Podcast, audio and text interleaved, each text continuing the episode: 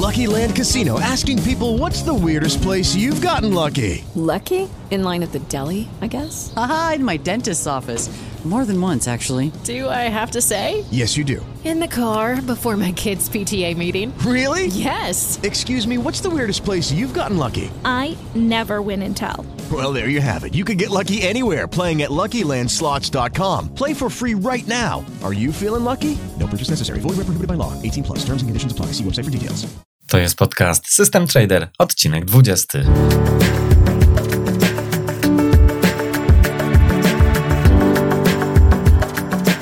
Interesujesz się inwestowaniem na rynkach kapitałowych? Szukasz swojego sposobu na oszczędzanie i pomnażanie pieniędzy? Zastanawiasz się, jak postawić swoje pierwsze kroki na giełdzie? Ponadto fakty, mity, wywiady i ciekawostki ze świata finansów. To i wiele więcej usłyszysz w podcaście System Trader. Zaprasza Jacek Lempart. Dziś drugi odcinek podcastu z minicyklu Budujemy strategię transakcyjną, czyli o co w tym wszystkim chodzi. Ostatnio w odcinku numer 18 zaprezentowałem wprowadzenie do tematu, tłumacząc m.in. takie kwestie jak różne podejście do inwestowania, czy w ogóle potrzebę zdefiniowania własnej strategii inwestycyjnej. Wspomniałem również, dlaczego nie da się prosto przenieść na rynek finansowy naszej intuicji i życiowego doświadczenia. Wreszcie przedstawiłem podejście rynkowe oparte na algorytmach, wskazując jego wady i zalety. W tym odcinku omawiam w szczegółach proces budowy i cykl życia algorytmicznej strategii inwestycyjnej, czy też systemu transakcyjnego, jak ktoś woli. Jest to krytyczny element naszej rynkowej egzystencji, od którego zależy, czy wdrażana strategia ma szansę spełniać nasze oczekiwania. Gorąco zapraszam. Dzień dobry, dzień dobry. Witam Was serdecznie w 20 odcinku podcastu System Trader. W tym odcinku będę e, tak naprawdę kontynuował to, co rozpocząłem w odcinku numer 18, a zarazem pierwszą częścią tego minicyklu o budowie i cyklu życia strategii inwestycyjnej. E, w pierwszej części e, tego podcastu opowiadałem o tym i co to w ogóle jest strategia inwestycyjna, co to jest w ogóle system transakcyjny, po co nam to jest potrzebne i dlaczego bardzo ważne jest to, aby proces, e, w trakcie którego budujemy taki system transakcyjny, mm, był jak najbardziej wiarygodny i jak najbardziej sprawdzony i zweryfikowany, ponieważ no, jeżeli będziemy budować coś w oparciu o zły plan, to tak jakbyśmy budowali dom w oparciu o plan, który e, kompletnie nie trzyma się kupy i wtedy no, nie możemy oczekiwać, że ten zbudowany dom będzie spełniał nasze oczekiwania. Podobnie ma się to, e, jakby to tak przenieść tutaj na grunt tradingowy. Jeżeli zbudujemy naszą strategię inwestycyjną, nasz system transakcyjny w oparciu o proces, który jest e, po prostu mówiąc w wprost zły, no to nie możemy oczekiwać, że ta strategia będzie mogła później spełniać nasze oczekiwania. Ok, przechodzimy do konkretów.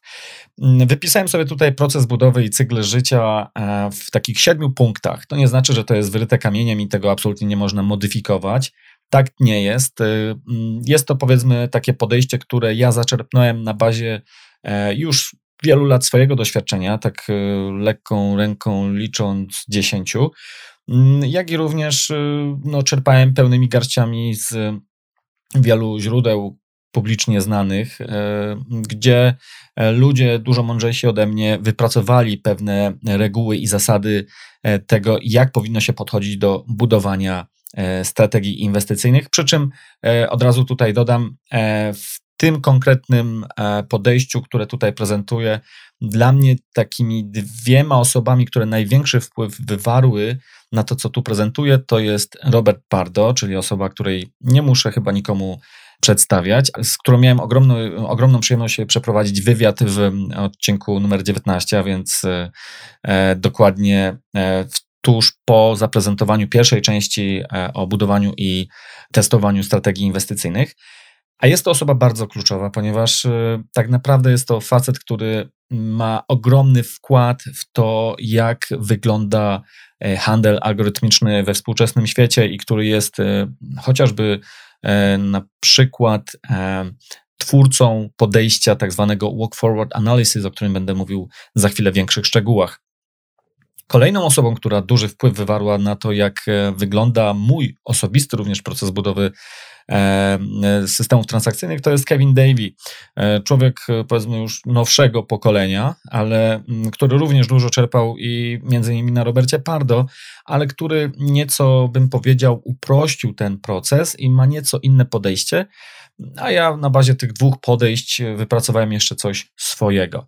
Tak naprawdę powinniście traktować to jako coś, co powinno być źródłem inspiracji do waszego własnego podejścia, bo, ponieważ to, co jest bardzo kluczowe, to to, aby wszystko, co robicie na rynkach, było w pełni zgodne e, z waszymi przekonaniami. Ok. Więc jak wygląda ten proces budowy i cykl życia yy, strategii transakcyjnej, czy też systemu inwestycyjnego. Pierwszy punkt to jest cel. I za chwilę sobie w szczegółach opowiemy, co za każdym punktem się kryje. Drugi punkt to jest pomysł. Trzeci to implementacja i testy na małym zbiorze danych. Czwarty punkt to e, są rozbudowane testy, na przykład właśnie wspomniane wcześniej Walk Forward Analysis czy też Monte Carlo. Piąty punkt to mamy tutaj inkubację i tak zwany, czy też tak zwany handel papierowy. Punkt 6 wdrożenie na rynek i konserwacja oraz punkt 7 to jest wycofanie strategii z rynku. No to teraz sobie przejdziemy po kolei do każdego z punktu i e, opowiemy w szczegółach, co się za nim kryje. Krok pierwszy, określenie celu. Tak naprawdę wyobraźmy sobie, że tak przenosząc nieco, wychodząc z gruntu tradingowego na powiedzmy taki mm, codzienne życie, to ciężko byłoby nam dojechać do na przykład jakiegoś miasta, jeżeli e, nie mamy e, w ogóle celu określonego, gdzie chcemy jechać. Znaczy, no jedziemy gdzieś, wiemy, że jedziemy gdzieś na północ, powiedzmy Polski, jadąc mm, z Krakowa, ale jeżeli sobie nie określimy celu, no to ciężko nam powiedzieć, gdzie w ogóle dotrzemy. E, I również, jeżeli byśmy sobie mm, nawet wyznaczyli jakiś cel, to musi on być realistyczny, no bo gdybyśmy sobie wyjechali samochodem z Krakowa i mówimy, kierujemy się na północ, po czym jako cel obralibyśmy sobie biegun północny, to ciężko byłoby oczekiwać, że tym samochodem tam dotrzemy, prawda? Dlatego też cel musi być realistyczny. Podobnie jest w tradingu. Musimy mm, określić cel, jaki chcemy e, osiągnąć na rynku finansowym, a następnie musimy e, ten cel e, zamknąć w takich ramach, które sprawią, że ten cel jest w naszym zasięgu, jest realistyczny. E, jako taką dygresję tutaj przytoczę takie powiedzenie, które podobno przypisuje się mm, Abrahamowi Lincolnowi, prezydentowi Stanów Zjednoczonych, który powiedział coś takiego, że gdybym miał 8 godzin na ścięcie drzewa, spędziłbym 6 na ostrzeniu siekiery. To jest dość wymowne, ponieważ E, pomimo, że on miałby 8 godzin na ścięcie drzewa, to nie znaczy, że od razu by się rzucił na ścinanie tego drzewa, tylko wcześniej jednak dużo więcej czasu spędziłby na przygotowaniu się do tegoż ścięcia drzewa. Być może dość filozoficznie tutaj zabrzmiałem, ale chodzi tak naprawdę o to, że po prostu wszystko, cokolwiek robimy, musi być zaplanowane. A już tak wracając z powrotem na grunt tradingowy, E, to taki cel może być, e, może wyglądać w ten sposób. Chcę zbudować strategię na kontrakt terminowy S&P 500, e, który będzie generował roczną średnią stopę zwrotu 50%. Wow, bardzo nieźle. I będzie miał obsunięcie na kapitale nie większe niż 25%, a dodatkowo daje sobie na to wszystko dwa tygodnie czasu. Brzmi dość, dość ambitnie i być może już niektórych rozpala tutaj podniecenie, ponieważ 50% w skali roku przy obsunięciu 25% to brzmi całkiem nieźle. To nie znaczy, że to nie jest y, niemożliwe. To też nie znaczy, że to jest proste do zrealizowania. Natomiast to, co jest istotne, to że my sobie z góry określamy taki cel. Cel jest ambitny, ale nie nierealizowalny. I e, mając ten cel, możemy iść dalej. Do, kroku, do kroku numer dwa, a mianowicie, jak już mamy cel, to musimy znaleźć jakiś pomysł, jak ten cel osiągnąć. Mówiąc e, krótko, jak, e, jak nasza strategia będzie wyglądała. Musimy wymyślić, e, wymyśleć pomysł na naszą strategię. I no jeżeli chodzi o źródła pomysłów, to może być ich mnóstwo. Może być to własna obserwacja rynku, mogą być to książki, magazyny, internet. Dziś naprawdę Tych źródeł wiedzy jest cała masa i właściwie to jest problem nie taki skąd, a raczej jak przetworzyć nadmiar tych różnych źródeł, z których możemy czerpać mm, inspirację co do realizowania naszego pomysłu na strategię. Źródłem też mogą być inni traderzy, e, czy też inne strategie. Bardzo właśnie dobrą metodą budowania nowych strategii jest tak naprawdę modyfikacja istniejących strategii. Ja osobiście wiele takich pomysłów właśnie w ten sposób realizuję, że biorę strategię, która dajmy na to jest na przykład na, na ropę, na kontrakty na ropę, a następnie tę strategię przerabiam, e, modyfikuję i wykorzystuję na przykład na rynku kontraktów terminowych na Russella 2000. Jak najbardziej jest to dopuszczalne podejście, e, szczególnie też dla osób, które mm, być może są początkujące i nie mają wielu pomysłów. To w ten sposób mogą się naprawdę e, fajnie uczyć, jak budować własną strategię. Innym źródłem pomysłów może być e, na przykład generator oparty chociażby o tak zwane algorytmy programowania genetycznego. Temat jest dość szeroki, być może nawet nieco skomplikowany, dlatego nie będę więcej tutaj w ten temat już wchodził. Trochę zakomunikowałem go w pierwszym odcinku e, tego minicyklu. Natomiast tak na szybko powiem, że są to takie algorytmy, które na wejściu otrzymują dane rynkowe, notowania, a na wyjściu e, w magiczny sposób e, mamy serię często tysięcy, wielu tysięcy gotowych strategii do wykorzystania. Oczywiście e, bardzo pięknie to brzmi, natomiast to nie znaczy, że wszystko jest tak proste. E, no bo gdyby to było tak proste, to każdy by sobie tylko zakupił taki program, a później hmm, wykorzystał strategię, które otrzyma na wyjściu i handlował. Co nie oznacza, że wykorzystywanie z takich, korzystanie z takiego oprogramowania jest zupełnie pozbawione sensu. Absolutnie tego nie mówię. Natomiast to nie znaczy, że że to wszystko jest tak proste, szczególnie jeżeli się jest początkującą osobą e, i być może komuś się zaświeci lampka, o, to może jest jakiś skrót tutaj, zamiast samemu coś wymyślać, to e, kupię sobie oprogramowanie, które wygeneruje dla mnie strategię. Bardzo, bardzo bym ostrzegał przed takim podejściem. Ale jeszcze być może wrócimy kiedyś do tego e, tematu tak zwanego programowania genetycznego, bo samo w sobie jest ono ciekawe. Jeżeli chodzi jeszcze o pomysły na strategię, to zachęcam do tego, żeby tworzyć na bieżąco własny katalog pomysłów w postaci różnych filtrów, wejść, wyjść, metod zarządzania pozycją, czy też wręcz po prostu całych systemów. Chodzi o to, że tak naprawdę podobnie zresztą działają algorytmy genetyczne swoją drogą.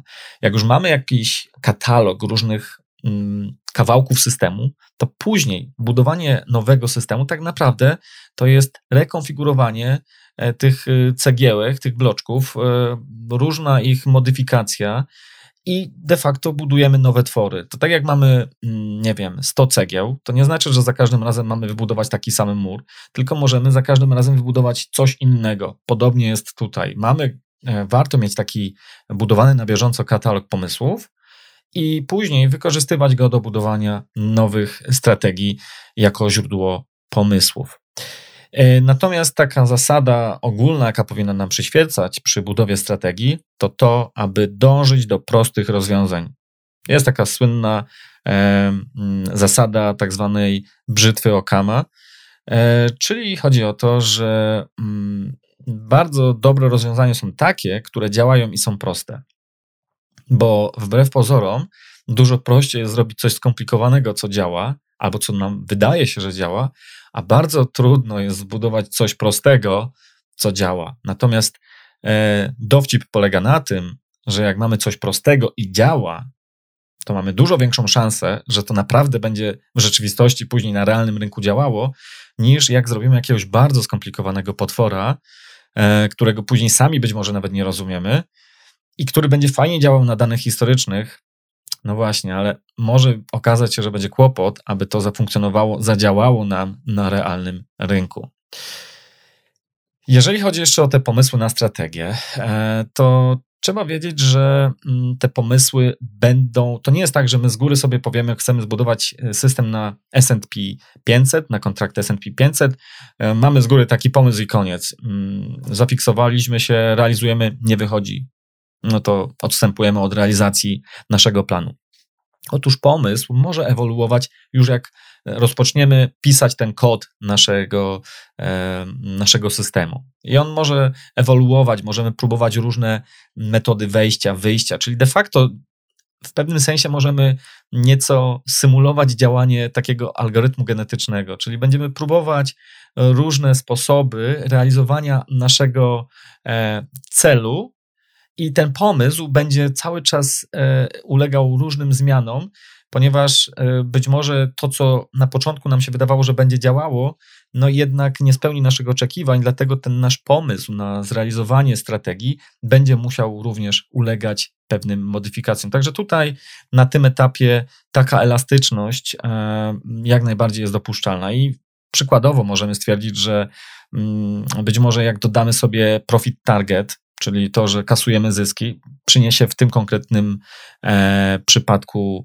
nam jakieś korzyści, a być może warto zastosować jakiegoś stop lossa, mm, a być może warto w ogóle zrobić stop and reverse, czyli de facto będziemy cały czas w rynku i jak y, zamykamy pozycję długą, to od razu otwieramy pozycję krótką i tak dalej, i tak dalej. To nie o to chodzi, żebym ja tutaj w tym momencie opowiadał o szczegółach, natomiast chodzi o to, że ten pomysł może na tym etapie jak najbardziej ewoluować.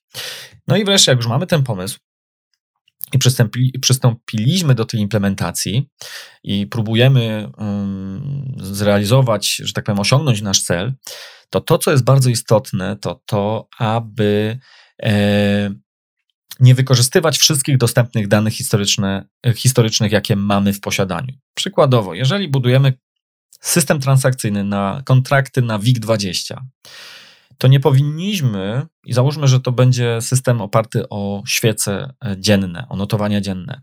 I załóżmy, że bierzemy na tapetę 15-letni okres mm, z notowań, czyli to, co się działo w ostatnich 15 latach na tych kontraktach.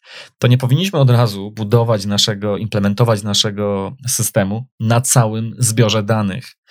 Tylko powinniśmy sobie wziąć mały wycinek 10 do 30%, ale na pewno nie więcej niż połowę. I na tym zbiorze, mocno okrojonym, powinniśmy budować naszą strategię. I na tym małym wycinku danych, czyli jeżeli mamy 15 lat, to załóżmy, że weźmiemy sobie 5 lat i na tych 5 lat możemy się naprawdę powyżywać. Możemy modyfikować kod, ponownie testować, modyfikować różne wejścia, wyjścia, filtry, zarządzania pozycją itd., tak itd. Tak I tu jest to ok o ile ten zbiór danych będzie cały czas stały. To znaczy nie tak, że najpierw sobie badamy pierwsze 5 lat, a nie działa, to przejdziemy do kolejnych 5 lat i de facto skonsumujemy całe 15 lat 100% naszego, naszych y, danych historycznych, tylko faktycznie wybierzemy sobie, że testujemy naszą strategię na danych pomiędzy rokiem 2010-2014. OK. I na tym zbiorze danych e, testujemy i budujemy naszą strategię transakcyjną. Tutaj jest też ważne, żebyśmy mieli od razu e, od samego początku realne założenia co do tego, jak, e, e, przy jakich budujemy naszą strategię. To znaczy, musimy uważać na takie błędy, które na poziomie kodu i backtestingu nie wyjdą, natomiast wyjdą w rzeczywistości. Czyli na przykład Mm, załóżmy, że zawieramy transakcje po cenach zamknięcia. No i okazuje się, że mm, wyniki, jakie nam generuje strategia, są bardzo fajne, natomiast w praktyce może się okazać, i najpewniej się okaże, że ciężko nam będzie realizować transakcje dokładnie po cenie zamknięcia e, danego rynku. Albo musimy uważać na zlecenia z limitem, czyli jeżeli sygnał pada e, po konkretnej cenie, to my w strategii e, będziemy uważali, że dokładnie po tej cenie nasza e, transakcja zostanie zawarta. Mm, a więc e, e, zlecenia z limitem tutaj nie będą zbyt no, realistycznym założeniem i musimy zawsze założyć jakiś poślizg cenowy. Również musimy uważać na takie kwestie jak na przykład prowizje. Tak? Jeżeli byśmy ich nie uwzględnili, to mm, bo nam się wydaje, że są niewielkie, ale jednak, e, jak je do, dodać do siebie, to okazać się może, że system, który zarabiał bez e, płacenia prowizji, nagle po prostu przynosi straty. Mówiąc krótko, musimy stworzyć takie warunki podczas budowania i tego początkowego testowania naszej strategii, które będą przypominały realne warunki, czyli będziemy mieć realne koszty związane z poślizgami, z prowizjami, Powinniśmy też uważać na coś takiego jak inside bar e, backtesting. O co tutaj chodzi? Tu chodzi o to, że jeżeli mamy na przykład strategię opartą o świece dzienne, e, to może się okazać, że po przeciwległych stronach świecy padają przeciwstawne e, sygnały kupna sprzedaży. No i teraz jest pytanie, który sygnał padł pierwszy? Czy świeca najpierw, e, cena w ciągu dnia najpierw szła w górę i padł sygnał ten e, z górnej, że tak powiem, części, e, czy ceny w ciągu dnia na początku szły w dół i tam wygenerowany został sygnał z tamtej, z tej drugiej strony. Mówiąc krótko, jeżeli mamy tylko dane dzienne, to nie będziemy w stanie tego powiedzieć. Musimy zejść na niższy poziom tak zwany time frame i być może dopiero na świecach e, na przykład e, godzinnych czy e, wręcz minutowych będziemy w stanie stwierdzić, co, jak wyglądała w ciągu dnia, jak wyglądał przebieg sesji w ciągu dnia, i wtedy mm, będziemy mogli, że tak powiem, w czasie backtestu mieć bardziej zgodne z rzeczywistością wskazania co do generowanych sygnałów. I to wszystko może sprawiać, że te wszystkie założenia są dość restrykcyjne i tak naprawdę dużo trudniej nam będzie znaleźć coś ciekawego, coś, co działa. Natomiast to nie o to chodzi, żebyśmy mm, od razu znaleźli super e, strategię i byli w niebo wzięci, bo będą e, na ekranie generowane fajne wyniki, tylko chodzi o to, żeby to, co budujemy, miało szansę e, zarabiania, generowania zysków w przyszłości. Dlatego też lepiej jest też odrzucić nawet dobry pomysł na tym etapie, początkowym etapie budowania strategii, niż stracić kapitał na złym pomyśle, który e, nam się wydawał w trakcie budowania dobrym, tylko dlatego, że nie nałożyliśmy realnych założeń.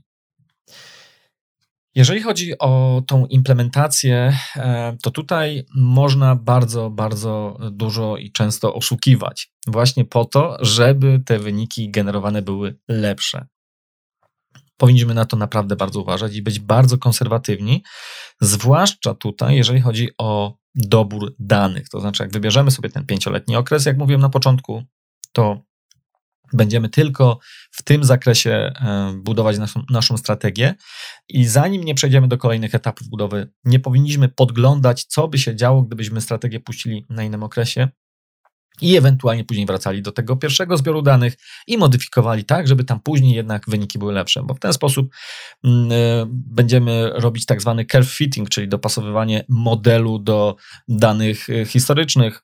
No, będzie fajnie to wyglądało e, w backteście, mm, w symulacji, natomiast w przyszłości na realnym rynku będzie bardzo duże prawdopodobieństwo, że nasza strategia będzie generować straty.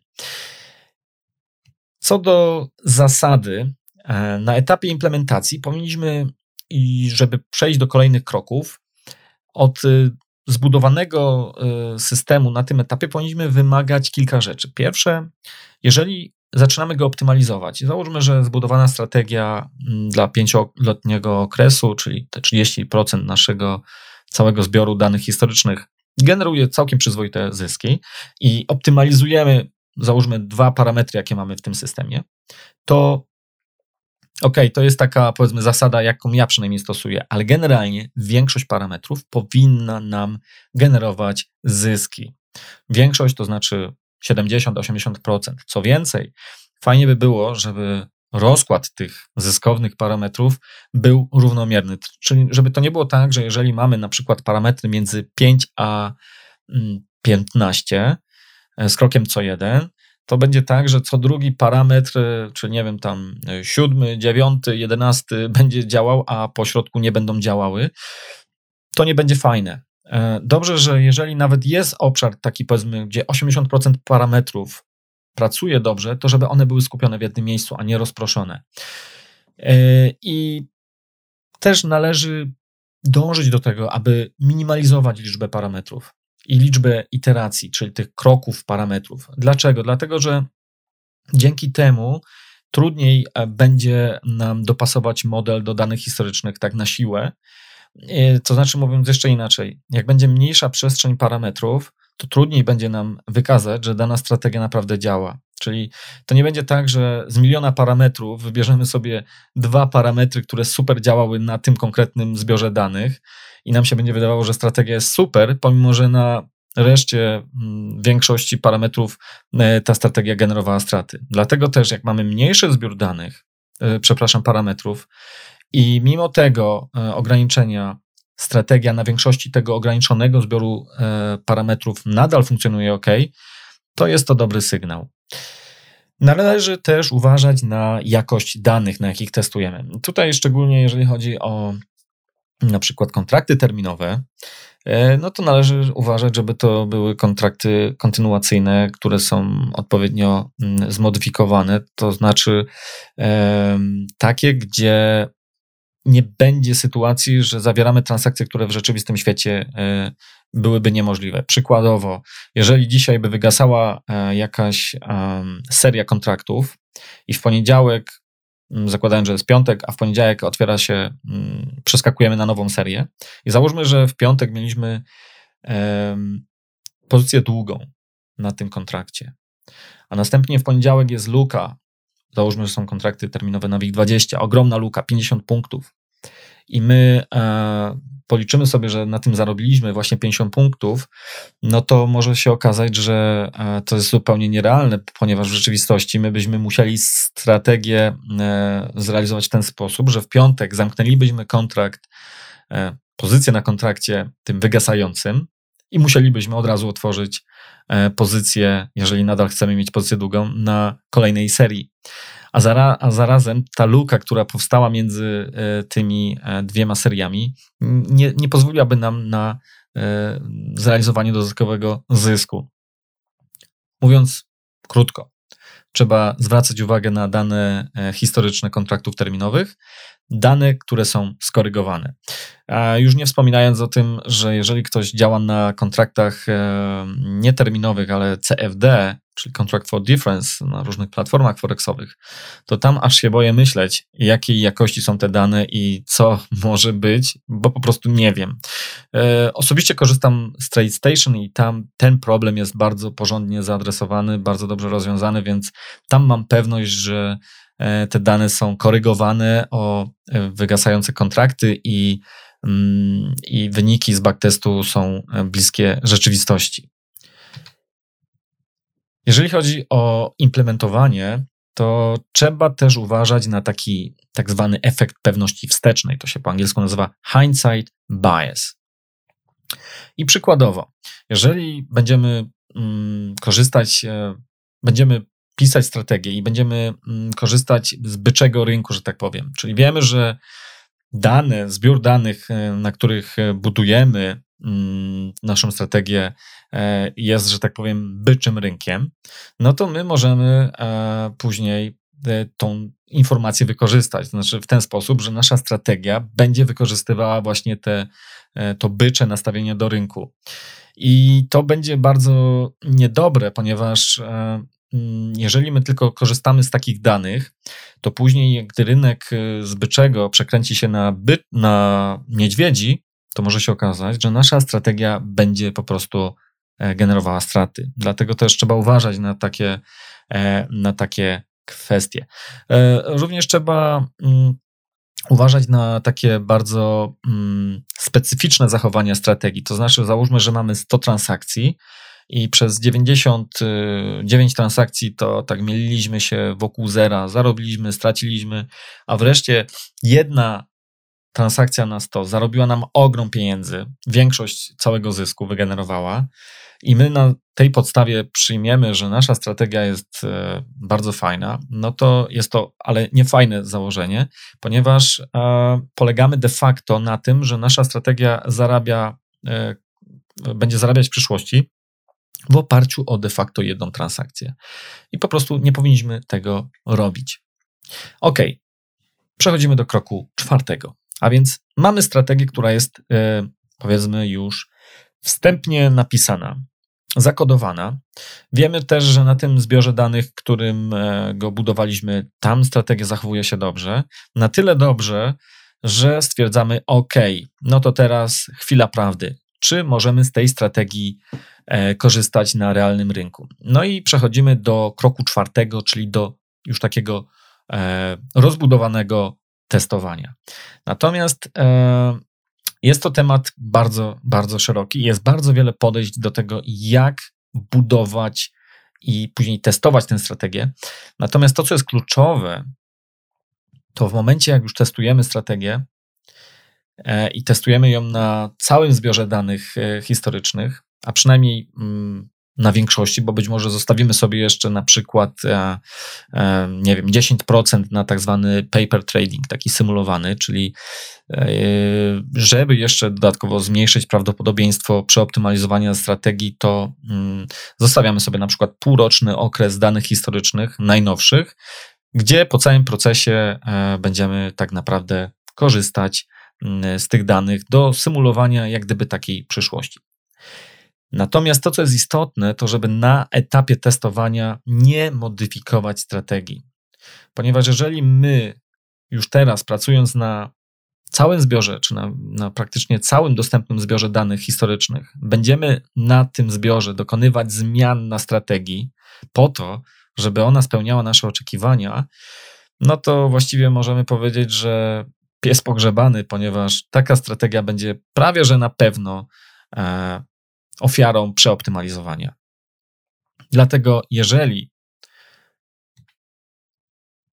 strategia, która wyszła z kroku trzeciego, gdzie implementowaliśmy i robiliśmy wstępne testy, nie przeszła, e, że tak powiem, bez modyfikowania testów w kroku czwartym, to powinniśmy taką strategię odrzucić. Ja wiem, że to brzmi być może brutalnie, zwłaszcza jak się nieco napracowaliśmy przy poprzednich krokach, natomiast jeżeli nie chcemy się oszukiwać, to powinniśmy tak właśnie postąpić. Zrobię takie małe e, wprowadzenie do tego, jakie są podejścia do testowania.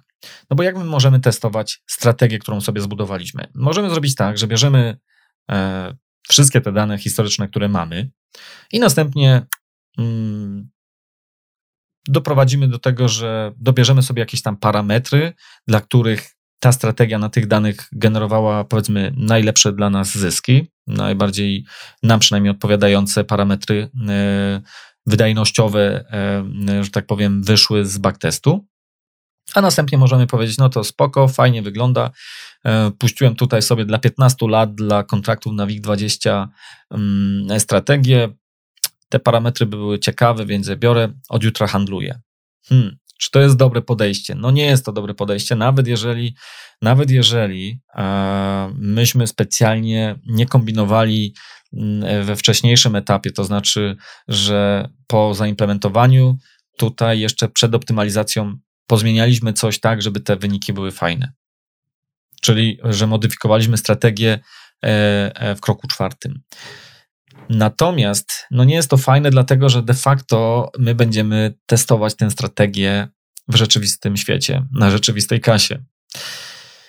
Dlatego jest też inne podejście, gdzie z całego zbioru danych wykroimy sobie na przykład 70% na optymalizację strategii, nie modyfikację. To jest istotne. My już strategię zaimplementowaliśmy. W kroku czwartym nie zmieniamy, nie, modyfikujemy strategii.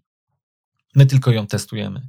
Więc dobieramy parametry na 70% zbiorze danych, a następnie sobie puszczamy na 30% powiedzmy najnowszych danych i spra e, sprawdzamy, co się dzieje.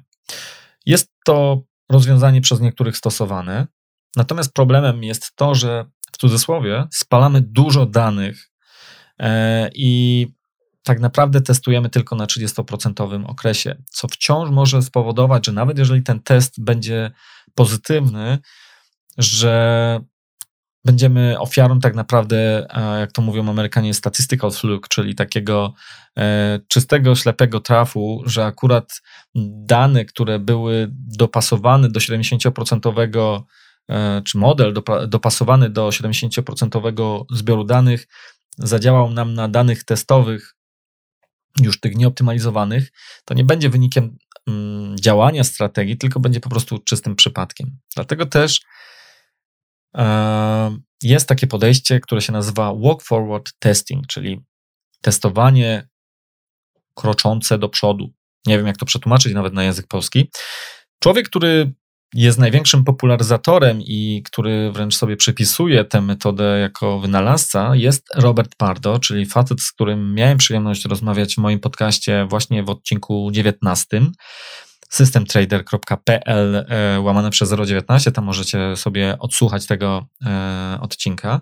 I on, e, w, co prawda na początku lat 90. już napisał pierwszą edycję swojej książki na temat właśnie stosowania tej koncepcji, ale w 2008 roku była wznowiona jego książka, którą polecam absolutnie każdemu, kto zajmuje się budowaniem strategii transakcyjnych. I tam on opisuje proces de facto budowania e, strategii i właśnie opisuje metodę testowania walk forward. O co chodzi tutaj? No, jeżeli mamy 100% danych historycznych 15 lat, to zamiast na przykład y, optymalizować system na 10 latach, a później zobaczyć, jak na kolejnych 5 się zachowuje, to my sobie robimy coś takiego, że mm, robimy serię takich okienek przesuwanych w czasie. Czyli bierzemy na przykład okres pierwszych trzech lat, danych historycznych, czyli już widzimy nie dziesięciu, ale pierwszych trzech, które, że tak powiem, w cudzysłowie spalamy, optymalizujemy tam, przy czym nie puszczamy na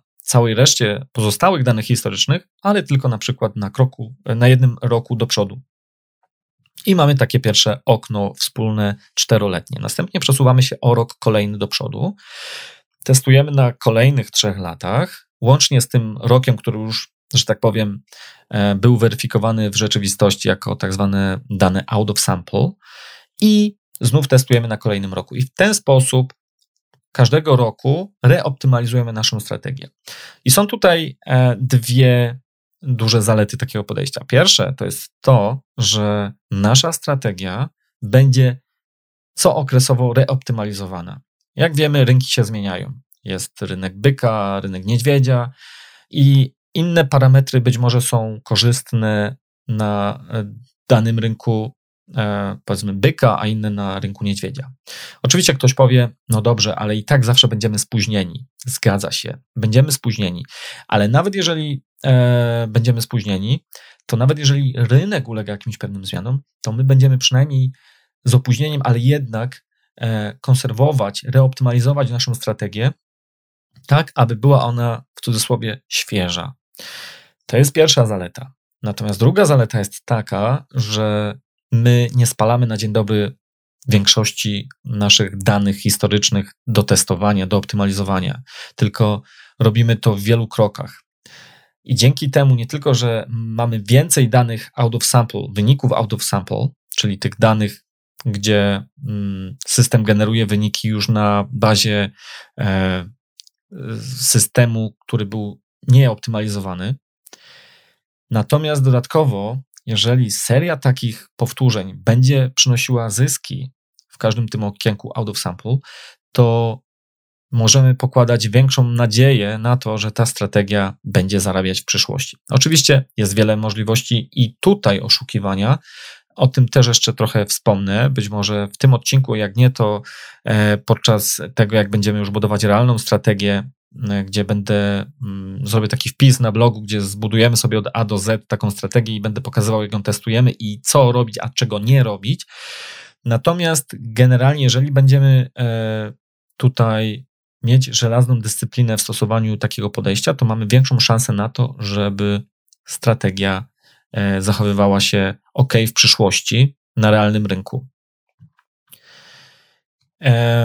Co do zasady przyjmuje się, że jeżeli robimy walk forward testing, to mm, dane te in sample, czyli na którym zbiór danych, na którym optymalizujemy nasze, nasz, e, nasz system, nasz model, powinien być gdzieś w przedziale między 60-80%, a pozostałe 20-40%, czyli tak zwany out of sample, to jest ten zbiór danych, który jak na pierwszym zbiorze optymalizujemy system i wybieramy najlepsze parametry zgodnie z jakimiś naszym, e, z naszymi kryteriami, na przykład chcemy najlepszy zysk, to wówczas później puszczamy go na zbiorze danych out of sample. Ktoś może powiedzieć, no, e, optymalizowanie względem funkcji celu, jak to się ładnie mówi, czyli jako mm, funkcji celu, którym jest zysk, to nie jest najlepszy pomysł.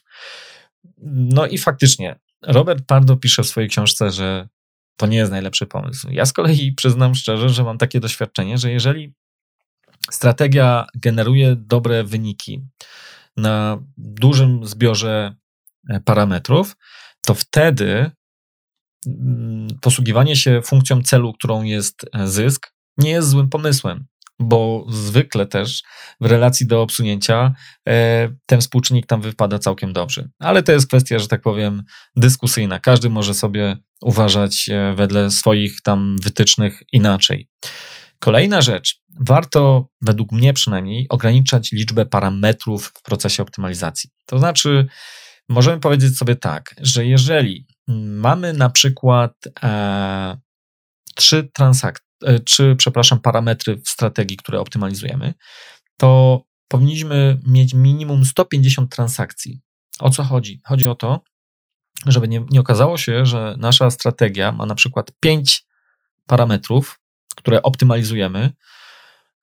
Mamy ogromną, ogromną, ogromną liczbę kombinacji. Wybieramy najlepsze parametry i się cieszymy, że to działa.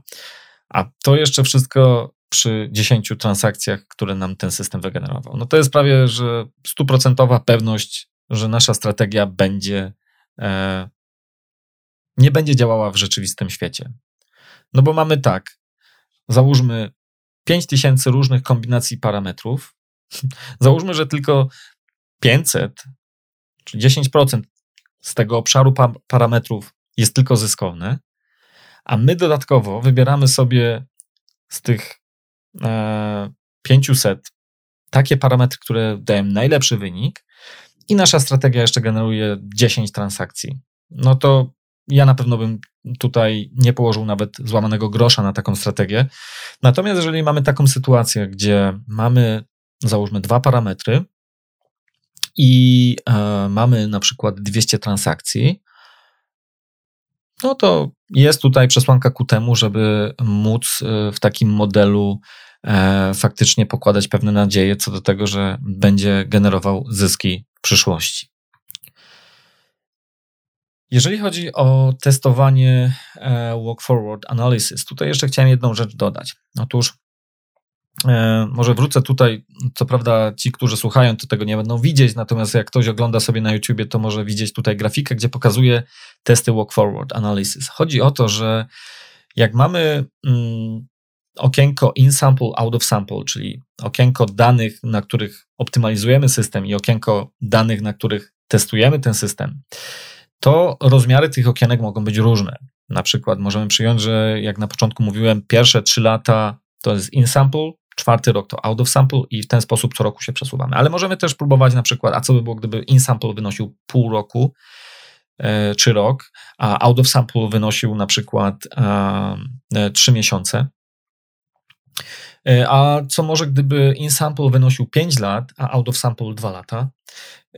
Tak naprawdę mm, warto jest przeprowadzić co najmniej co najmniej trzy takie zestawy y, te walk forward testów dla różnych rozmiarów, takiego powiedzmy krótkoterminowego, średnioterminowego i długoterminowego. I zobaczyć, jak strategia zachowuje się w tych trzech różnych e, wariantach testów walk forward.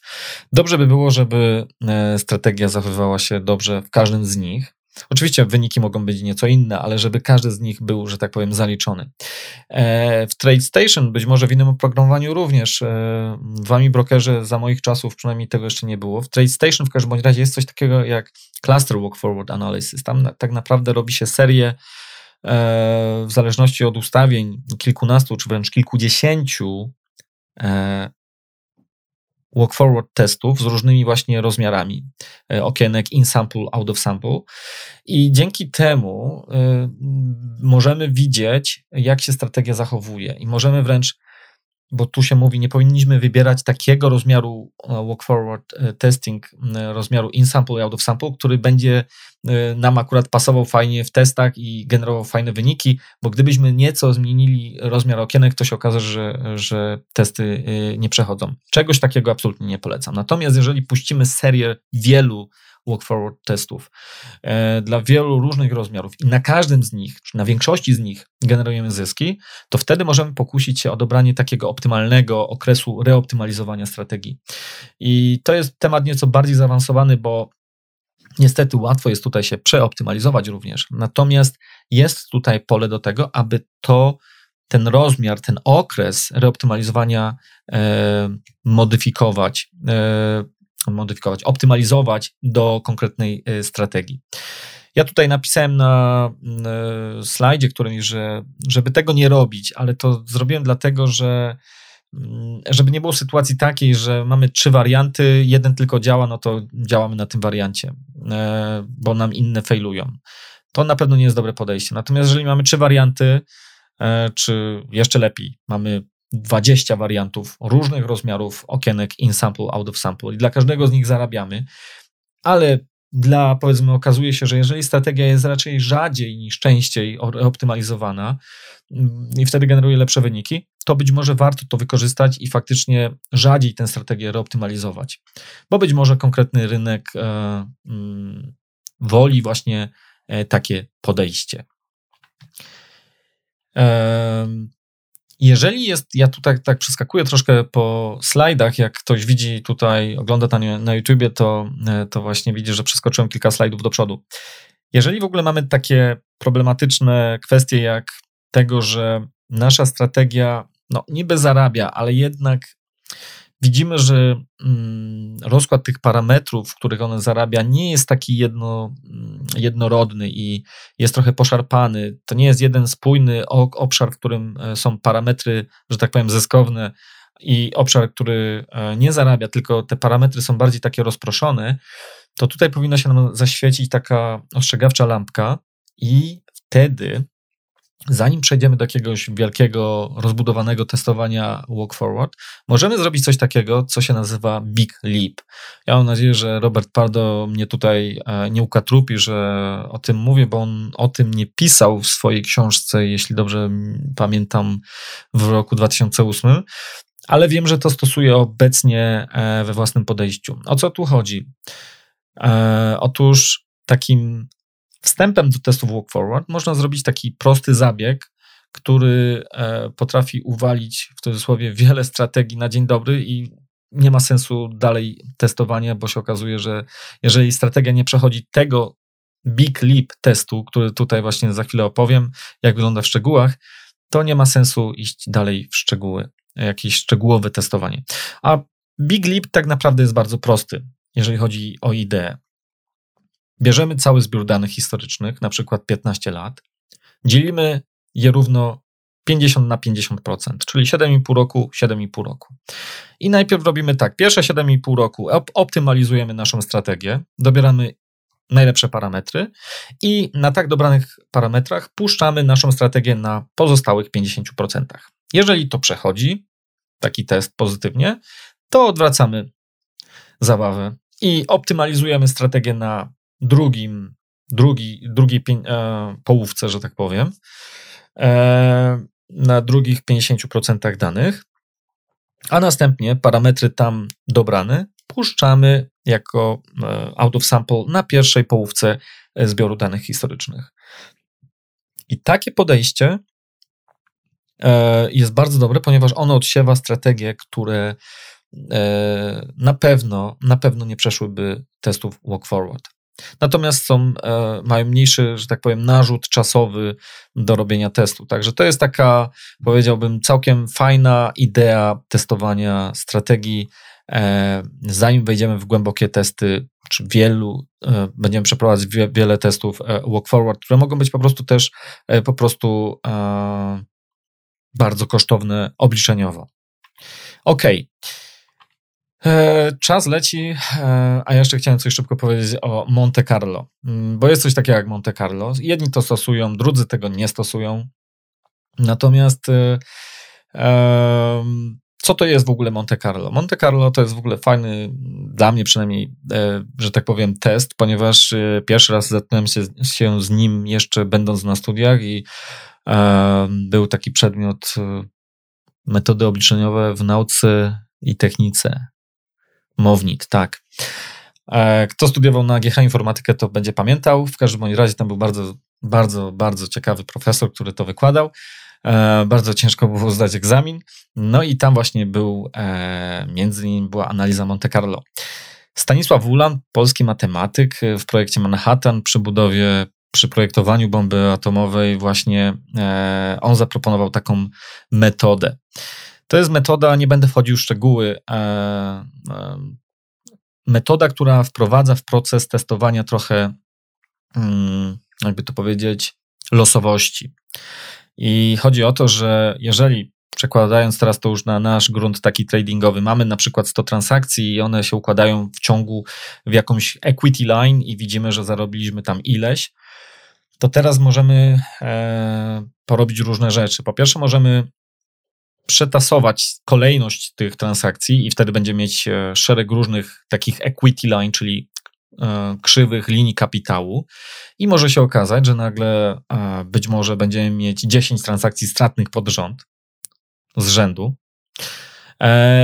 i może się też okazać, że mm, po prostu z nie wiem, na przykład 100 tak przeprowadzonych testów, 50 testów, to w ogóle powoduje, że nasza strategia traci pieniądze.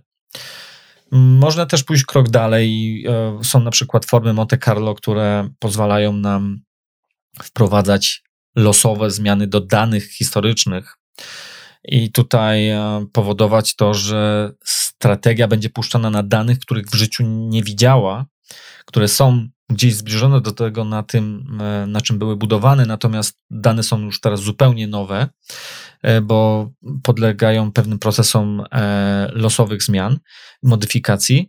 I to też może powodować, że taka strategia, która przechodzi takie testy, będzie mm, mogła, będziemy mogli w niej pokładać większe nadzieje. Są ludzie, którzy uważają, że testy Monte Carlo tak naprawdę mają sens w przypadku, kiedy strategia generuje bardzo dużo transakcji, to wtedy faktycznie to ma sens. Natomiast ma mniej dużo sensu w przypadku na przykład strategii takich długoterminowych, które generują mniej transakcji. E, ja nie będę tutaj wchodził w filozoficzne rozważania, e, czy warto, czy nie warto. E, każdemu w każdym razie na pewno polecam, żeby sobie przeprowadził takie testy Monte Carlo. Dzisiaj jest dużo oprogramowania, które to umożliwia e, zrobić w prosty sposób. I dzięki temu możemy próbować szacować na przykład e, prawdopodobieństwo osiągnięcia jakiejś określonej stopy zwrotu, czy też obsunięcia jakiegoś kapita maksymalnego kapitału, czy też wręcz bankructwa, tak zwanego risk of ruin. Natomiast to, co jest istotne, jeżeli chodzi o Monte Carlo, tak już przyspieszam teraz, ponieważ e, boję się, że już za długo to wszystko trwa.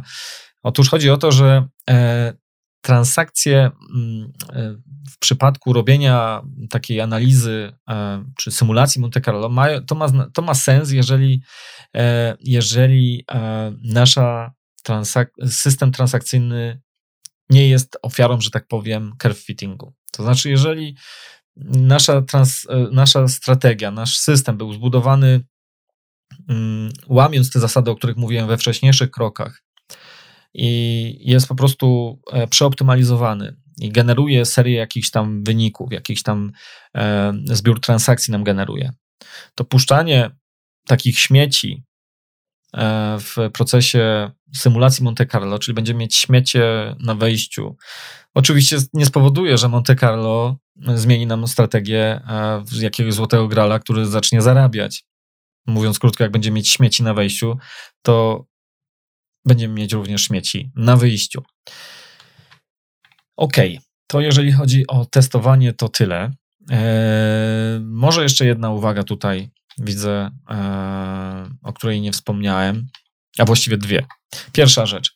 Jak już zbudujemy sobie, załóżmy strategię na kontrakty terminowe na S&P 500, załóżmy na mm, świecach dziennych, na interwale dziennym, to fajnie jest spróbować, czy taka strategia działa również na przykład na Russellu, czy na mm, Nasdaqu, czy na Dow Jonesie na przykład.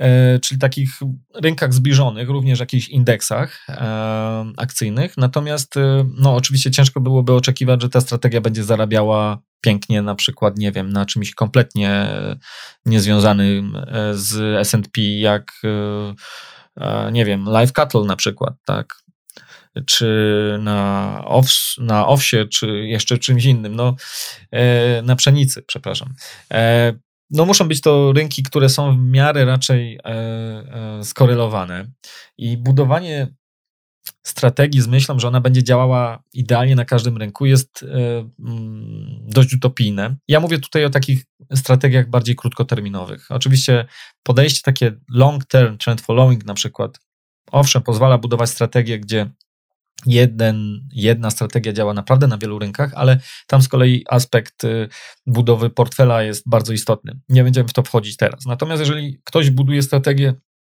załóżmy na świecach 15-minutowych i oczekuje, że na S&P 500 działając ten system mu świetnie, on będzie oczekiwał, że ten system będzie świetnie mu działał właśnie na live cattle, na e, nie wiem, na, na, na, soku pomarańczowym, również będzie mu świetnie działał jeszcze e, nie wiem, na kukurydzy. No hello, naprawdę, to opcje są dwie, albo ktoś jest geniuszem, Chociaż raczej to się nie zdarza, to nie to, żeby się nie zdarzało, że wśród ludzi są geniusze, tylko raczej się nie zdarza, żeby tak, ja przynajmniej takiej strategii nie widziałem. Natomiast to, co jest bardzo prawdopodobne, to to, że ta strategia jest po prostu e, ofiarą e, przeoptymalizowania. E, I druga uwaga, to jest właściwie taka ogólna zasada podczas testowania. Jeżeli coś wygląda zbyt dobrze, to prawdopodobnie tak jest. To znaczy, jeżeli mamy wyniki w naszym backteście, które generują cudowne, naprawdę cudowne e, transakcje. Już widzimy, jak my wkładamy tam swoje pieniądze i po pięciu latach będziemy milionerami. Już widzimy, jak e, kupujemy super luksusowe samochody i tak dalej, i tak dalej. To lepiej, żebyśmy mm, troszkę wyluzowali z naszymi emocjami, ograniczyli poziom podniecenia i jednak e, przyglądali się dobrze temu, co robimy, bo jeśli coś naprawdę wygląda zbyt dobrze, to najpewniej gdzieś popełniliśmy błąd i to, co widzimy, to jest najpewniej wynikiem jakiegoś błędu. Na przykład e, nie uwzględniliśmy kosztów transakcyjnych, e, poślizgów cenowych. Ok, no więc tak, mamy strategię, która jest w pełni wytestowana i która spełnia nasze wcześniejsze e, obrane, że tak powiem, założenia. Wszystkie cele, które sobie postawiliśmy przed strategią, są osiągnięte. I teoretycznie moglibyśmy tę strategię już od razu podpiąć do rynku i zacząć nią handlować. Natomiast w kroku piątym e, wchodzimy w etap tak zwanego handlu papierowego, czy też e, jak to nazywa Kevin Davey, e, okres inkubacji. Chodzi o to, że zanim jeszcze wejdziemy z realnym kapitałem na rynek, to dajemy sobie czas i tutaj to jest kwestia, że tak powiem, już y, osobista każdego z nas i ile to będzie trwało, ale no, takie minimum to wydaje się, że nie powinno być to mniej niż miesiąc czasu.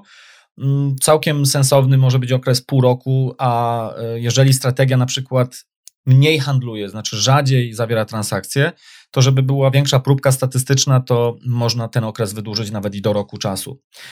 I taki handel papierowy ma kilka e, zalet. Po pierwsze, możemy wychwycić błędy, które być może wkradły się na wcześniejszych etapach budowy strategii. To znaczy, pomimo naszych prób aby, e, i wysiłków, aby strategia nie była, e, że tak powiem, zbytnio dopasowana do danych historycznych, czyli żeby nie było tak zwanego curve fittingu, przeoptymalizowania strategii, to być może czasami zupełnie w sposób nieświadomy, zwłaszcza jeżeli jesteśmy początkujący, mogło do tego dojść. I my e, możemy żyć w przeświadczeniu, że nasza strategia jest bardzo fajna i generuje całkiem fajne wyniki, natomiast e, rzeczywistość e, może się okazać zgoła odmienna. Dlatego też ten krok piąty to jest taki bezpiecznik, który pozwala nam już naprawdę na krok przed wejściem na rynek jeszcze się zastanowić i jeszcze sprawdzić, czy ta strategia na pewno jest tym, co, e, na co wygląda. No więc e, możemy w tym okresie po prostu zupełnie e, niejako na luzie sprawdzić sobie, jak ta strategia działa na danych, których jeszcze nie widziała. Tu taka szybka uwaga. Oczywiście dla osób szczególnie takich bardziej zaawansowanych i biegłych w temacie, można niejako ten okres, na przykład półroczny, w cudzysłowie, zasymulować. To znaczy, możemy sobie odłożyć na przykład pół roku czy rok danych historycznych, najnowszych i absolutnie ich nie dotykać, aż do momentu tego kroku piątego. I wtedy za, zamiast czekania na przykład pół roku czy roku, możemy to zrobić w backteście w przeciągu sekundy.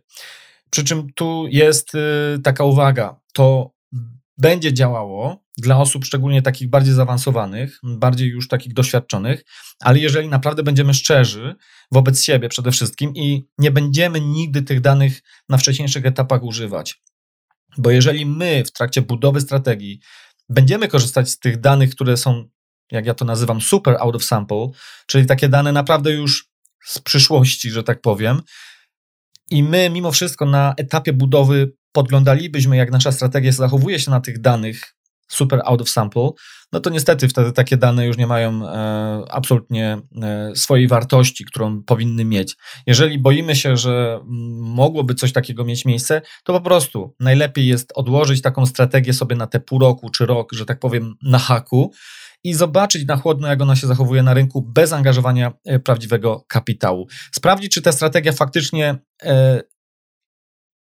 że tak powiem, realizuje nasze założenia. Czyli jeżeli sobie założyliśmy, że ta strategia powinna osiągać określone stopy zwrotu, odpowiednie, mm, nie powinna przekraczać odpowiednich obsunięć na linii kapitału i tak dalej i tym podobne, to wtedy możemy sprawdzić, czy tak faktycznie to jest na realnych danych, czy też po prostu niestety fajne dane, fajne wyniki mieliśmy tylko w backteście na danych historycznych, a w rzeczywistości okazuje się, że ta strategia nie spełnia naszych, e, naszych założeń.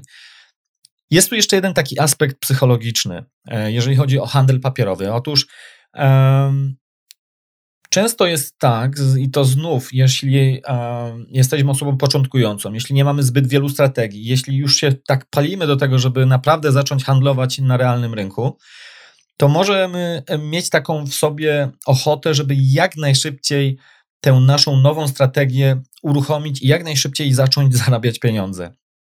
Jest to w pewien sposób zrozumiałe, natomiast jest to um, niedobre. Niedobre z wielu powodów. Po pierwsze, to jest to, co mówiłem już wcześniej, czyli jeżeli są jakieś błędy popełnione na wcześniejszych etapach, no to ta strategia nam niestety najprawdopodobniej zrobi dziurę w portfelu, a nie, e, a nie pozwoli zarobić.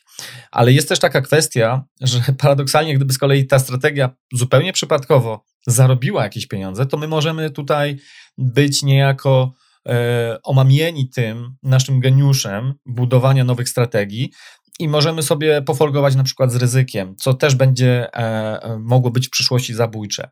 Dlatego też taki handel papierowy, taki okres inkubacji pozwala na ochłonięcie przed handlem na realnym rynku i e, pozwala uniknąć takich pewnych błędów, tak, zbytniego przeoptymalizowania czy efektu, e, efektu e, pewności wstecznej. Natomiast trzeba też sobie zdać sprawę, że handel papierowy nie jest lekarstwem na wszystko, że dam na 100% gwarancję na to, że ta strategia, którą zbudowaliśmy, na pewno, e, jeżeli go przejdzie ten, ten handel papierowy poprawnie, ten test handlu papierowego poprawnie, to że to jest 100% gwarancja, że ta strategia jest e, super.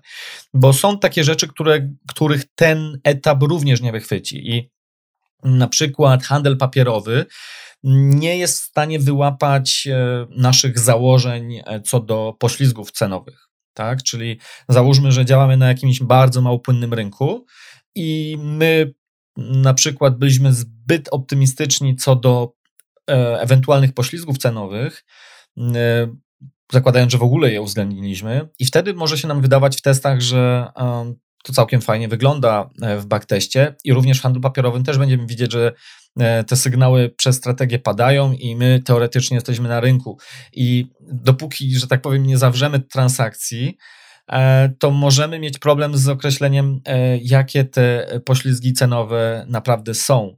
Dlatego też mm, trzeba mieć tutaj uwagę, że handel papierowy jest bardzo pomocny, ale też nie jest lekarstwem absolutnie na wszystko. Natomiast absolutnie zachęcam do tego, żeby ten etap e, wdrożyć we własnym procesie e, budowy i testowania strategii transakcyjnych, dlatego że naprawdę, ja powiem ze swojego doświadczenia, to ok, teraz może ten, e, ten współczynnik będzie lepszy, ale na początku to mógłbym powiedzieć, że więcej niż połowa strategii, które wydawały mi się świetne i wydawało mi się, że budowałem je zgodnie ze sztuką, nie przechodziły testu handlu papierowego.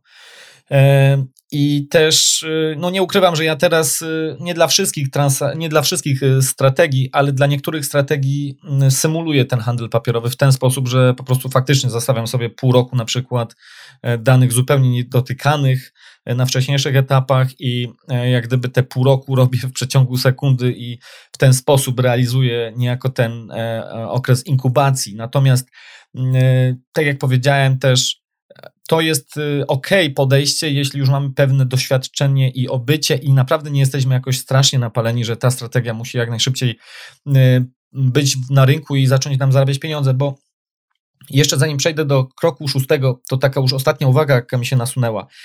Y, Handel papierowy ma też pewną taką niewdzięczną, e, ma, może mieć taki niewdzięczny efekt. Mianowicie wyobraźmy sobie, że e, włożyliśmy dużo trudu w budowanie strategii i staraliśmy to robić się jak najlepiej. I ta strategia faktycznie w backteście wyszła bardzo dobrze, a następnie mm, mówimy: OK, to teraz przejdziemy do handlu papierowego i przez pół roku nie handlujemy realnymi pieniędzmi, tylko e, puszczamy te, e, tę strategię, że tak powiem, na sucho. I co się okazuje? Załóżmy, że strategia zaczyna świetnie zarabiać. I my widzimy, że moglibyśmy zarobić w ciągu pół roku świetne pieniądze, a my niestety ich nie zarobiliśmy, ponieważ nasza, nasza strategia po prostu a, działa sobie gdzieś tam obok rynku. I wtedy może się pojawić taki efekt, y, no cholera, kurczę, może jednak niepotrzebnie to zrobiłem, mogłem od razu wpiąć, wpiąć sobie tę strategię i po prostu zarobiłbym pieniądze. Nie warto w ten sposób myśleć. Ja wiem, że, że, że że tak to może wyglądać, ale nie warto, dlatego że uwierzcie mi, jak to się mówi na giełdzie, lepiej jest stracić okazję niż pieniądze. Także e, okej, okay, straciliście okazję, mogliście faktycznie zarobić pieniądze, ale mogliście stracić pieniądze, więc lepiej jest stracić tę okazję niż pieniądze. Może tak nieco filozoficznie, ale warto się nad tym zastanowić. Ok, jedziemy dalej. Mamy jeszcze dwa kroki przed sobą. Krok szósty, wdrożenie. Więc załóżmy, że już nie tylko, że wytestowaliśmy strategię, ale też e, przeszliśmy etap inkubacji i tego handlu papierowego, o którym właśnie mówiłem. Mamy krok szósty wdrożenie, czyli po prostu wpinamy strategię do rynku. E, tutaj, w zależności od tego, co to jest za strategia, jeżeli jest strategia na przykład, która działa na mm, wykresach intradayowych, tak, załóżmy są jakieś świece, nie wiem, 15-minutowe, to prawdopodobnie e, będziemy zainteresowani, aby taka strategia była zautomatyzowana. Tym bardziej, jeżeli mamy mnóstwo, e, czy nie jest to jedyna strategia, jaką mamy i nie możemy siedzieć przed komputerem e, cały dzień, czy też całą dobę, bo może i strategia handlować całą dobę, nie wiem, na przykład na walucie. Więc wtedy będzie interesujące, aby taką strategię zautomatyzować. To są zabiegi czysto techniczne, o których tutaj w tym momencie nie będę się rozwodził z prostego powodu. Po pierwsze, to są bardzo e, kwestie zależne od platformy, na której funkcjonujemy, a więc e, w zależności na jakiej platformie działamy, to może wyglądać nieco inaczej. Natomiast nie, nie to, żebym nie doceniał, ale nie przeceniałbym e, kwestii automatyzacji handlu. To znaczy, to jest dla mnie czyste techniczne rzemiosło. I tyle ono samo w sobie nam nie pozwoli e, generować przewagi rynkowej. To znaczy inaczej, jeżeli model, który zbudowaliśmy, nie ma wartości, to jego automatyzacja sama z siebie nie doda do niego żadnej wartości. Natomiast owszem, jeżeli mamy strategię, która ma przewagę rynkową, to i jest to strategia, którą ciężko byłoby realizować e, manualnie człowiekowi, i możemy ją zautomatyzować, ok, wtedy ma to sens, bo faktycznie możemy eksploatować być może jakieś e, nieefektywności rynkowe, które człowiekowi w taki manualny sposób byłoby ciężko e, realizować, a my tu mamy wtedy pomocnika w postaci właśnie automatu. No i w, na etapie wdrożenia też powinniśmy zwrócić uwagę na to, jak nasza nowo e, wdrażana strategia ma się do całości portfela, który mamy, mamy że tak powiem, w rynku. E, zakładając oczywiście, że mamy też więcej już działających strategii. Tak naprawdę, jak handlujemy na rynku, to ten proces dokładania i zamieniania strategii w portfelu jest ciągłym procesem z prostej sytuacji, ponieważ my powinniśmy cały czas szukać nowych e, efektywności, nieefektywności rynkowych, nowych strategii. Rynki ewoluują, więc e, nie możemy oczekiwać, że raz wdrożona strategia będzie działała 50 lat e, do emerytury i my tylko będziemy sobie pieniążki liczyć na koncie, jak przyrastają. Dlatego też jest to proces, który cały czas postępuje i my musimy nie tylko że wdrożyć strategię, ale musimy monitorować strategie, które już funkcjonują na rynku. Musimy sprawdzać, czy e, one dobrze funkcjonują i czy być może nie trzeba ich wymienić. Dlatego też właśnie krokiem siódmym, który zawsze powinien być jeszcze przed wdrożeniem e, wzięty pod uwagę, e, czyli przed wdrożeniem strategii w rynek, powinniśmy wiedzieć, kiedy my tą strategię, którą wdrażamy, którą dokładamy, że tak powiem, do naszego portfela na rynek, kiedy my ją będziemy z tego rynku, że tak powiem, wycofywać. Jest to istotne, bo jak powiedziałem, strategie po prostu się zużywają. E, zużywają się, bo po prostu nieefektywności rynkowe, które nasza strategia eksploatowała, być może w pewnym momencie jak źródełko, wysychają, przestają funkcjonować albo już nie dają nam takiego zarobku i być może są lepsze okazje rynkowe gdzieś w innym miejscu, więc po prostu e, wtedy musimy wiedzieć, kiedy czy przy jakich e, e, wydarzeniach my mówimy, tę strategię wycofujemy z rynku. I tu jest znów bardzo wiele podejść. Ja tylko podam taki przykład, ale to nie znaczy, że tak trzeba robić. Każdy może to robić według własnego uznania, natomiast warto, żeby to było zrobione wcześniej, czyli żebyśmy mieli wcześniej y, jasne założenie, kiedy wyłączamy strategię, a nie e, na e, jakichś dużych emocjach, gdy nasza strategia, nie daj Boże, zaczyna nam robić niezłą dziurę w portfelu, no i my wtedy gorączkowo zastanawiamy się, cholera, to już ją wyłączyć czy nie, a może jeszcze, może jeszcze się odbije, a może. Hmm. I, I tutaj można popełnić błędy dwojakiego rodzaju. Możemy albo faktycznie zbyt długo siedzieć ze strategią, która po prostu już nie działa i, e, i trzymanie jej w rynku nie ma sensu, a możemy też popełnić inny błąd. Możemy wycofać z rynku strategię, która jest absolutnie e, ok, natomiast ma chwilowy, mm, chwilowe obsunięcie na rynku, na linii kapitału, co, co jest też naturalne. Każda strategia e, również musi w procesie zarabiania tracić. To jest nieodłączna, nieodłączny element gry rynkowej. Możemy sobie przyjąć proste założenie. Jeżeli strategia, załóżmy, na jakimś kontrakcie terminowym w Stanach Zjednoczonych miała historycznie obsunięcie typu 10 tysięcy dolarów, e, to my możemy sobie powiedzieć, OK, to było maksymalne obsunięcie, jakie na danych historycznych e, udało się uzyskać. I możemy sobie powiedzieć, jeżeli w realnym handlu strategia straci 150% tego, czyli nie 10, ale 15 e, tysięcy dolarów, to wtedy ja odłączam się od rynku. Może to być jak najbardziej ok. Znam też e, człowieka, który mm, nie będę zdradzał jego imienia. E, być może uda mi się go namówić na podcast. Już, już kiedyś próbowałem go zaprosić do podcastu. Niestety nie udało się, a więc to nie jest tak, że każdy zgadza się, czy chętnie od razu bierze udział w podcaście u mnie. E, bo po prostu tego ja chcę. Niestety czasami trzeba się mocno postarać, żeby kogoś zaprosić. Natomiast osoba, o której, którą mam tutaj na myśli, jest bardzo, bardzo e, rygorystyczna, jeżeli chodzi o to, kiedy wycofywać e, strategię z rynku i jest tak bardzo konserwatywna, że ma założenie, że jeżeli strategia osiąga 50% maksymalnego obsunięcia, jakie było w backteście, to już się wycofuje z rynku. I no, może się to wydawać dziwne, natomiast e, faktycznie e, dla tego konkretnego osobnika to działa i, i ma to sens, ale jest to też trochę nieco szersza historia, dlatego nie będę teraz w to wchodził. Być może będę mógł kiedyś e, faktycznie mieć okazję porozmawiania z tą osobą u mnie w podcaście i wtedy dowiecie się o kogo chodzi tak naprawdę, a zapewniam Was, że większość osób zna tego człowieka dobrze z, ze świetnych książek właśnie poświęconych między innymi e, strategiom transakcyjnym.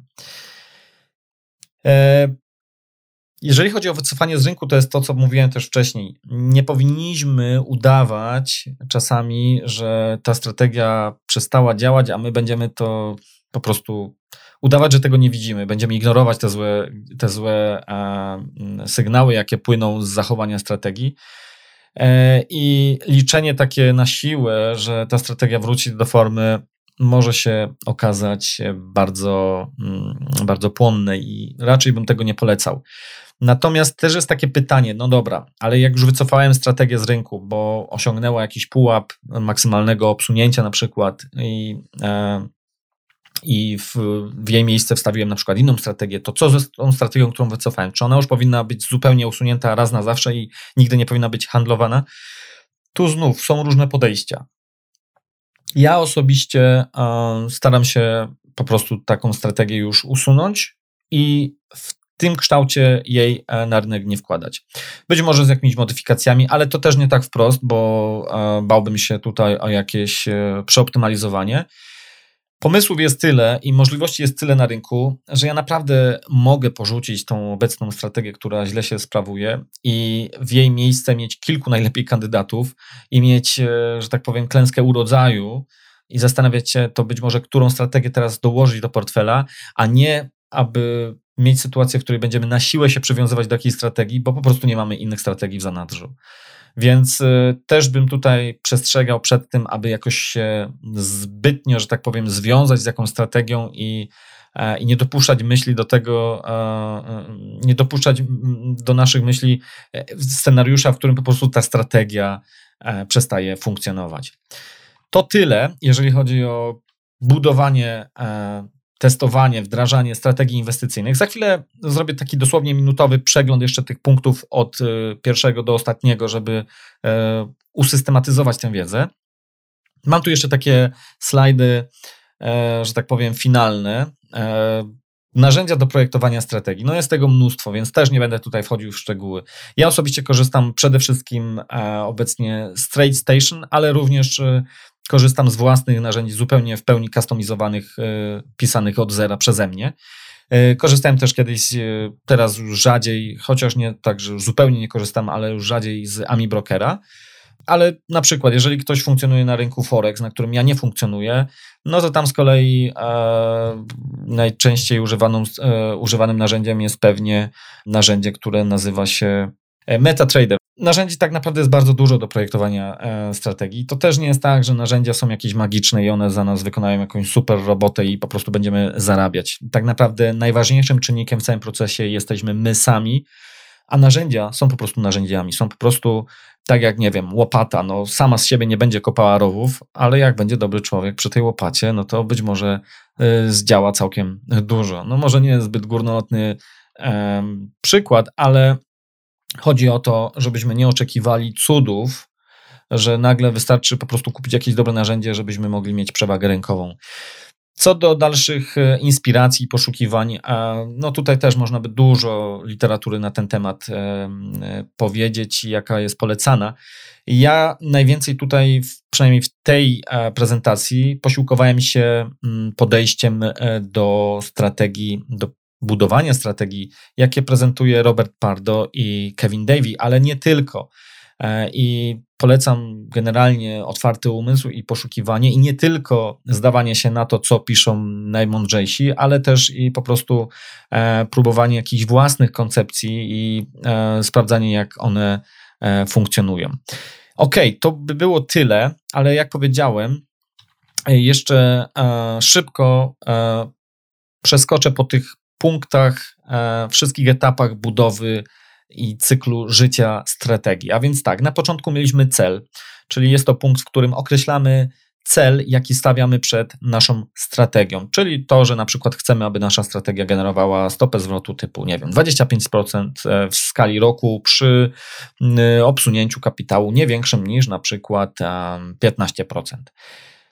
Drugi punkt, drugi e, element naszego procesu to jest pomysł. Jak już wiemy, e, co chcemy osiągnąć, to musimy się zastanowić, jak chcemy to zrealizować. I tu musimy po prostu wypracować koncepcję, która umożliwi nam osiągnięcie założonego wcześniej celu. Punkt trzeci to jest implementacja i testy na małym zbiorze danych. I to jest bardzo istotne. Mamy już cel, mamy już pomysł, no to teraz musimy napisać tę strategię. Najczęściej po prostu ją musimy zakodować. Natomiast to, co jest istotne, to żebyśmy no bo musimy z jakichś danych korzystać historycznych, gdzie będziemy widzieć, czy ta strategia działa poprawnie i czy spełnia nasze założenia. Ale to, co jest bardzo, bardzo istotne i to jest y, tutaj, jakby się dało, to bym podkreślił czerwoną linią, ale ciężko jest to zrobić w podcaście. Otóż nie możemy korzystać tu absolutnie ze wszystkich danych historycznych, jakie mamy na podorędziu, że tak powiem możemy korzystać maksymal, maksymalnie według mnie do 30%. To znaczy, jeżeli mamy na przykład dane za okres 10 lat, to nie powinniśmy wykorzystać więcej niż 3 lat. Ponieważ jeżeli zrobimy coś takiego, że zbudujemy, zaimplementujemy naszą strategię i ją wstępnie wytestujemy na całym zbiorze albo na większości danych historycznych, to mamy bardzo duże prawdopodobieństwo, że nasz system będzie przeoptymalizowany. On owszem, będzie wyglądał być może fajnie w testach, ale będzie bardzo źle rokował, e, aby to, e, te wyniki powtórzył e, na realnym rynku. Punkt czwarty to już są rozbudowane testy, czyli na przykład Walk Forward czy Monte Carlo. Tak naprawdę o samych testach Walk Forward, no chociażby tylko, to można by nagrać serię podcastów, więc ja tutaj tylko tak prześlizgnąłem się po tym temacie. Natomiast e, generalnie tutaj już robimy testy na większości dostępnych danych. Ja sobie zawsze, jak powiedziałem e, też już wcześniej, zostawiam troszkę e, takich danych, jak to ja nazywam, super out of sample, czyli takich danych, które symulują niejako przyszłość i jest to, nie wiem, na przykład pół roku, rok czasu.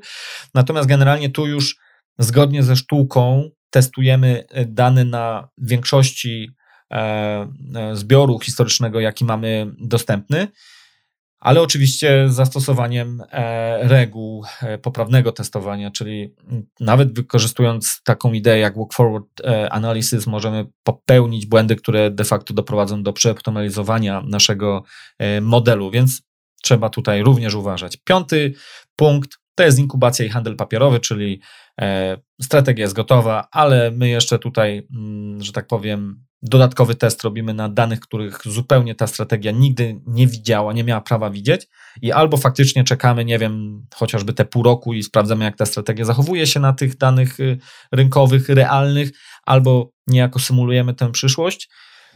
Ale jeżeli chodzi o to pierwsze podejście, czyli gdzie faktycznie przez pół roku odwieszamy tę strategię na haku, to tutaj plus jest taki, że możemy niejako ochłonąć i E, i wystudzić te emocje, jak będziemy już e, widzieć e, oczami wyobraźni, jak, jak zarabiamy pieniądze, to pod, pozwoli nam ten okres na nieco wypalenie się tych emocji, co jest bardzo istotne, żeby myśleć zdroworozsądkowo, a nie emocjonalnie na rynku.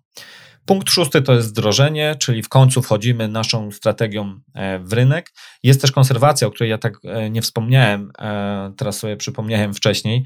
To znaczy to, że my wdrażamy w rynek strategię, czyli ją podpinamy do rynku, to jest jedno, a drugie to jest też konserwacja, czyli być może strategia wymaga cookresowej reoptymalizacji parametrów, chociażby w ramach procesu walk forward. No więc wtedy e, strategia, która być może w rynku funkcjonuje 5 lat, to nie znaczy, że ona przez 5 lat nie była dotykana, tylko na przykład co pół roku e, są reoptymalizowane, dobierane nowe parametry.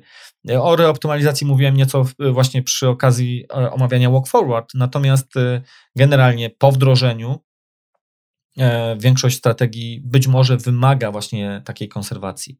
No i oczywiście jest, potrzebna, jest potrzebne monitorowanie strategii, a więc e, punkt siódmy, ostatni to jest wycofanie strategii z rynku. Jeżeli w trakcie monitorowania okaże się, że strategia przestała spełniać nasze oczekiwania, które były wcześniej wyznaczone, i to powinien być taki zero-jedynkowy, e, zero-jedynkowa decyzja. My wiemy, że jest twardy punkt odcięcia. Wiemy, że jeżeli strategia straci na przykład 10 tysięcy dolarów, 15 tysięcy dolarów, whatever, zależy od konkretnego przypadku, ale jeżeli myśmy już sobie wcześniej na etapie jeszcze implementacji wręcz założyli, jaki jest to poziom, e, to wtedy możemy się E, powinniśmy właściwie e, w punkcie siódmym wycofać w takim momencie, jak on nastąpi z rynku i ewentualnie zastąpić wycofaną strategię jakąś nową, ale generalnie nie brnąć dalej w handlowanie tą strategią, jak ona już nie spełnia naszych oczekiwań. Ok, e, wyszło bardzo chyba niestety dużo tego nagrania. Mam nadzieję, że wszyscy dotarli do końca. Przede mną jeszcze jest ostatni element z tego mini cyklu, mianowicie realny przykład, gdzie, w którym zbudujemy sobie strategię od A do Z i będzie to miało miejsce już na pewno nie w tym roku, nie w 2018. Nagrywam to e, w tym momencie. Jest u mnie 8 grudzień 2018. Wątpię, abym był w stanie nagrać, przepraszam, stworzyć taki wpis blogowy, który będzie dość długi e, z natury rzeczy jeszcze w tym miesiącu. Chociażby z tego powodu, że raz, że mamy święta, dwa, ja mam jeszcze jeden podcast do nagrania z, ze znamienitym gościem, mianowicie z Larry Connorsem już w poniedziałek, do którego też się muszę przygotować. Poza tym mam jeszcze mnóstwo, mnóstwo innych obowiązków e, projektowych e, i w ogóle wraz z wejściem w nowy rok będę musiał nieco przeorganizować swoją pracę tutaj i zrezygnować z części obowiązków, bo czuję zwyczajnie, że e, trochę za dużo sobie wziąłem na głowę. Okej, okay, to przepraszam za to e, może narzekanie. Tak naprawdę to ja bardzo lubię pracować, natomiast e, chodzi mi o to, że czasami e, biorąc sobie zbyt dużo obowiązków na głowę, doprowadzamy do momentu, w którym przestajemy być efektywni w tym, co robimy.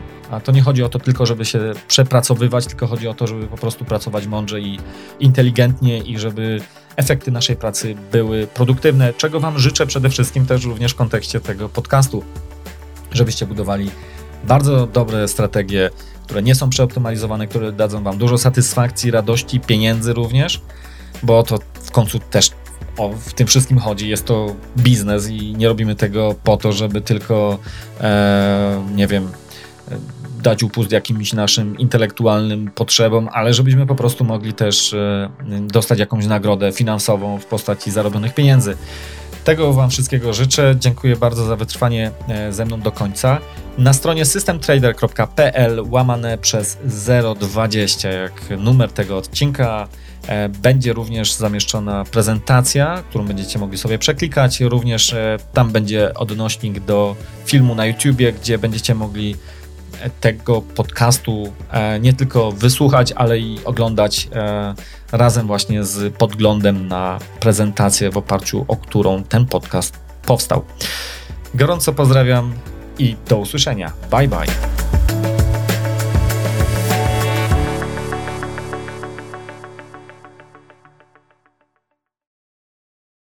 With the Lucky Land slots, you can get lucky just about anywhere. This is your captain speaking. Uh, we've got clear runway and the weather's fine, but we're just going to circle up here a while and uh, get lucky. No, no, nothing like that. It's just these cash prizes add up quick. So I suggest you sit back, keep your tray table upright, and start getting lucky. Play for free at LuckyLandSlots.com. Are you feeling lucky? No purchase necessary. Void where prohibited by law. 18 plus terms and conditions apply. See website for details.